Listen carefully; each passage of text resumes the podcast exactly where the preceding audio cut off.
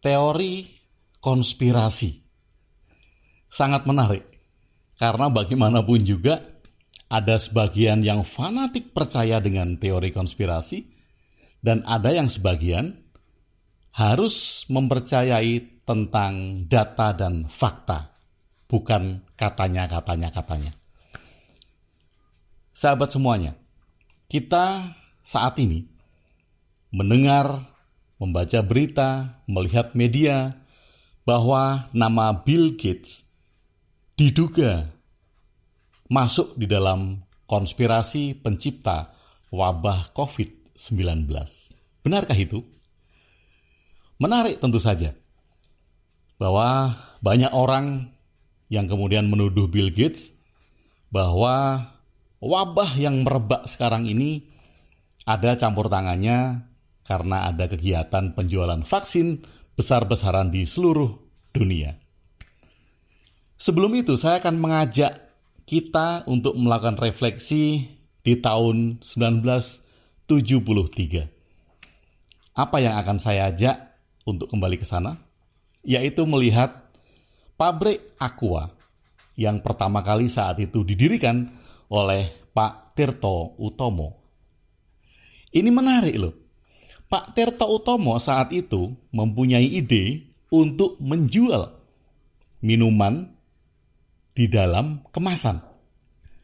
Saat itu, air tanah masih bisa dimasak. Bahkan saya ingat waktu saya kecil, di kampung saya, ibu saya, nenek saya masih merebus air dari sumur. Kemudian diminum. Ide Pak Tirto saat itu dikatakan ide gila. Oh, lawang air bisa diminum kok kemudian dia menjual air dalam kemasan. Gila ini orang, begitu kata orang-orang.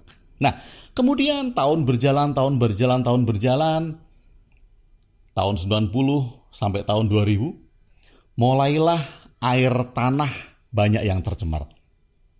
Apalagi kemudian kalau kita sudah tinggal di Jakarta dan sekitarnya. Air tanah tercemar dan tidak bisa diminum.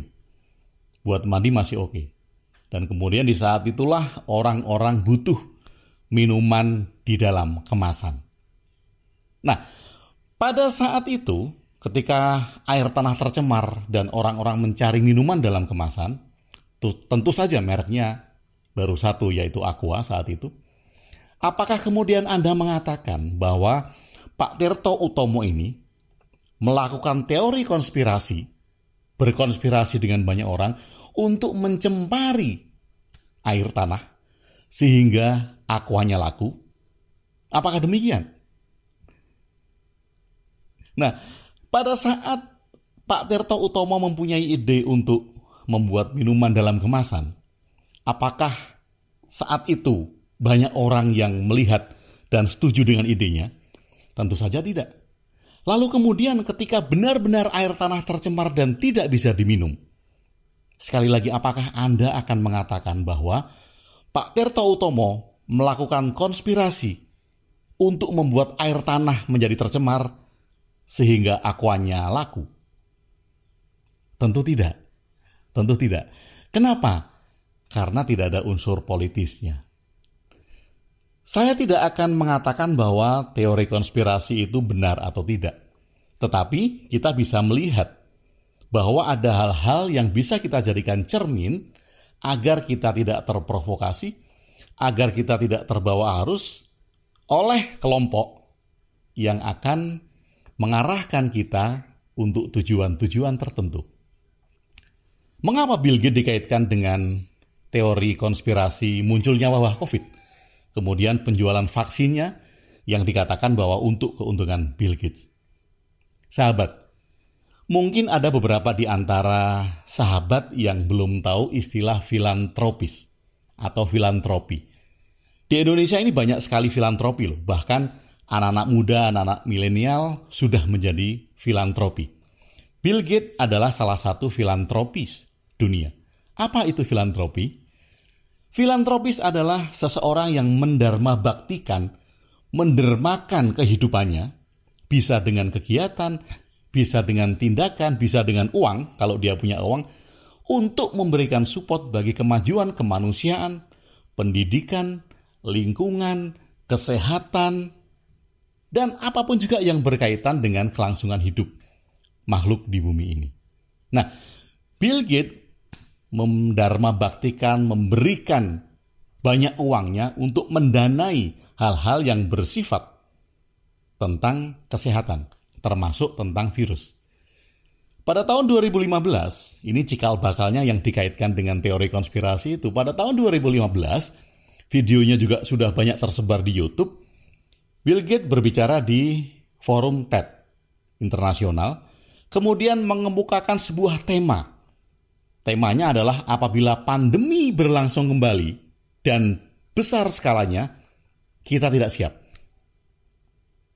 Nah, kalimat ini kemudian yang diartikan bahwa Bill Gates sudah mempersiapkan jauh hari sebelumnya agar pandemi ini sengaja diciptakan. Mengapa Bill Gates bisa membicarakan hal seperti itu? Ya, karena dia seorang filantropis di bidang kesehatan untuk menangani wabah yang terjadi di umat manusia. Bill Gates mengemukakan contoh bahwa Ebola dengan penanganannya, flu Spanyol dengan penanganannya, SARS, dan MERS dengan penanganannya. Dan kalau dilihat dengan penanganan-penanganan yang sama, kalau manusia kemudian tidak ada peningkatan dalam rangka menghadapi wabah, sama seperti Ebola, sama seperti flu Spanyol, sama seperti SARS dan MERS, tentu saja sebagai orang yang konsen di bidang tertentu, kita bisa melihat visi ke depan. Apa yang akan terjadi bila kita berkelakuan sama? Sama seperti kita yang hidup di kota-kota besar. Apabila membuang sampah masih seperti ini, apabila kita tidak peduli dengan air yang mengalir, kemudian kita tidak peduli dengan sungai-sungai yang tercemar, kita bisa mengatakan bahwa dua tahun, tiga tahun lagi, kita tidak akan bab, bisa, dan tidak akan mampu untuk menangani banjir.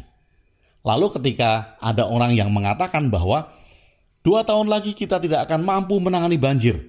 Dan dua tahun lagi ternyata banjir. Apakah orang ini adalah berkonspirasi untuk menghasilkan banjir sehingga kata-katanya terbukti? Tentu saja tidak. Nah, untuk ini saya ingin mengajak sahabat-sahabat semuanya melihat sebuah cerita yang sangat singkat. Ceritanya adalah ada seseorang yang berada di dalam rumahnya dan rumahnya terbakar. Kemudian saat itu dia bingung, berada di rumahnya dan rumahnya terbakar, dia bingung. Kemudian dia berpikir, siapa yang membakar rumahku? Dari mana asalnya api ini? Apa sebabnya rumahku terbakar? Dia berpikir, berpikir, dan berpikir pada saat rumahnya terbakar. Apa yang terjadi? Dia mati kebakaran di dalam rumah. Karena dia berpikir ada konspirasi apakah sehingga rumahku terbakar. Seharusnya yang dilakukan oleh orang itu adalah tanpa pikir panjang keluar dari rumah. Setelah dia bisa menyelamatkan diri, setelah dia bisa keluar dari rumah, baru kemudian dia bisa melihat, oh ternyata ini toh sebab kebakaran rumahku. Sahabat, jadi siapakah dalang dari wabah yang semakin meluas ini. Dalangnya adalah pikiran kita sendiri. Pikiran liar kita sendiri yang menyebabkan semuanya menjadi makin gaduh sehingga seperti cerita orang di dalam rumah yang terbakar tadi. Kita tidak sempat keluar lari dari rumah dan kita berpikir, terus berpikir, terus berpikir di dalam rumah kita yang terbakar sehingga kita ikut terbakar di dalam rumah. Untuk itu, mari kita selesaikan permasalahan di dalam pikiran kita sendiri dulu, sehingga kita bisa menyelamatkan orang lain dan bisa berpikir jernih untuk melihat implementasi dan aksi nyata apa yang bisa kita lakukan ketika ada masalah-masalah yang datang kepada kita. Sahabat, tentu saja hal ini tidak mudah tetapi apabila kita lakukan dari sekarang, kita dapat melihat dengan jernih mana yang akan membakar rumah dan mana yang akan membakar dirinya sendiri, juga yang mana orang-orang yang akan keluar dari rumah sehingga dia bisa menolong orang-orang lain di sekelilingnya. Terima kasih sudah bersama saya di ruang diri Agung WB.